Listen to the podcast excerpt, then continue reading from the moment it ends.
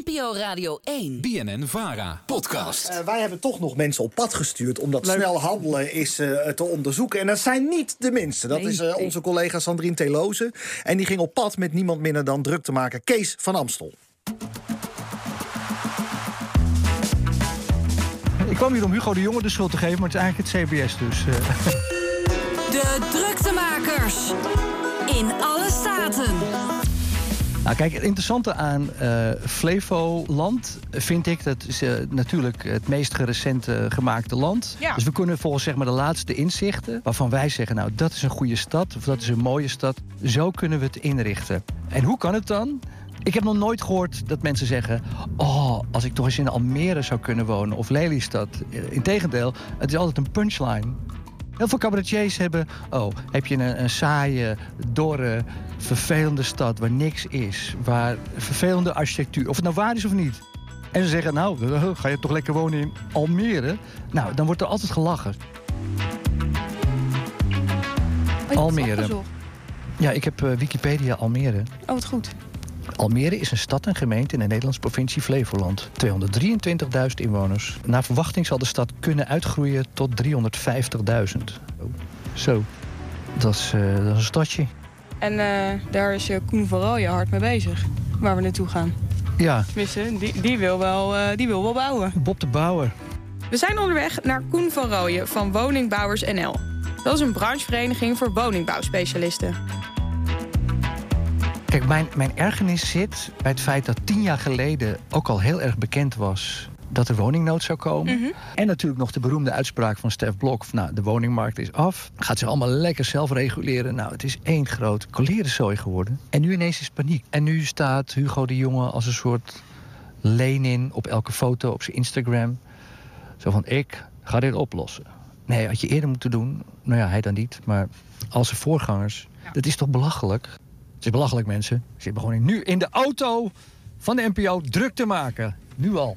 Ja, we staan wel stil, Kees. En ik ben er nog niet eens. En er is nog file ook. en waarom, waarom heeft de regering, de hoge heren uit Den Haag, dat niet opgelost? Straks komen we er niet eens. Uh, hier is het, denk ik, hè? Ja. Of niet? Ja? Oké, okay, nou... Hebben we uh, al iemand gezien die lijkt op ons... Uh, nog niet, maar... Um, onze expert van de Laten dag. we uh, gewoon kijken, toch? wel een busje met politiehondenvervoer. Nou, dus laten we de andere kant op gaan dan. Ja. Nou, er is hier in ieder geval genoeg achtergrondgeluid. Daar zien we de man aankomen. Koen van Rooyen. We zijn in Oosterwold, aan de rand van Almere. Daar wordt nu een nieuwe wijk uit de grond gestampt. We staan nu voor een blok waarvan ik denk... Uh, kijk, het moet betaalbaar en uh, je moet nog een tuintje hebben. Maar als ik nu zie, dit vierkante, ja, ik noem het toch een beetje saai Lego-blok. Dit is toch niet waar mensen graag in willen wonen, tenzij er echt grote woningnood is? Ik, ik denk dat dat, dat dat laatste wat je zegt, mensen willen er niet wonen tenzij ze niet anders kunnen omdat er woningnood is. Ik denk dat dat laatste heel erg aan de hand is op dit moment. Ik geloof ja. dat het woningtekort naar zo'n 400.000 woningen toeschiet. voor, voor de beeldvorming, dat is een stad zo groot als Rotterdam, die we dus eigenlijk te weinig hebben ja. aan huizen. Ja, en als je dan kiezen, kan kiezen tussen bij je ruzie in de ex blijven of naar deze woningen toe, denk ik dat er heel veel mensen dolgelukkig zijn.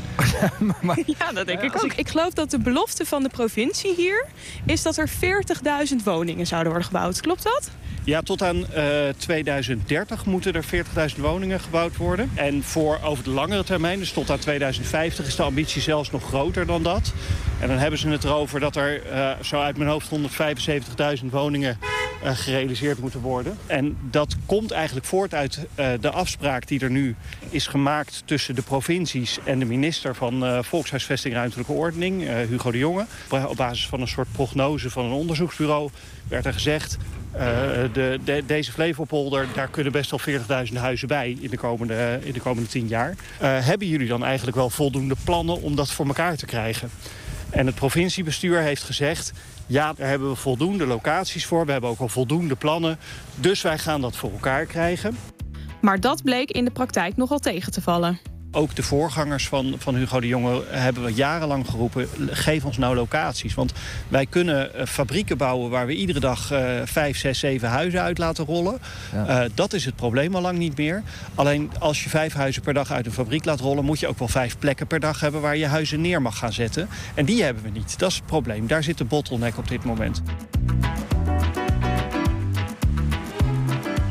Maar ik wil toch wie, maar wie heeft dan de schuld? Tien jaar geleden was het ook al bekend. Om, om dat te begrijpen zou je een paar jaar terug moeten gaan... en moeten kijken naar het beleid van toen. En dat beleid van toen stoelde op CBS-statistiek. Die zei, volgens de aannames die we nu doen over bevolkingsgroei... stopt binnen drie, vier, vijf jaar de bevolking met groeien... en hebben we voldoende huizen. Ja, die bleken een grove onderschatting. Dus maar, CBS is eigenlijk de schuldige. Dat we ja, in deze shit zitten eigenlijk. Nou ja, de, het zeg het maar gewoon hardop ja. gewoon. De CBS is eigenlijk... ik kwam hier om Hugo de Jonge de schuld te geven... maar het is eigenlijk het CBS dus. Kijk. kijk, ik had zo graag positief geworden. Want er gebeurt wel veel. Kijk, er wordt veel gebouwd.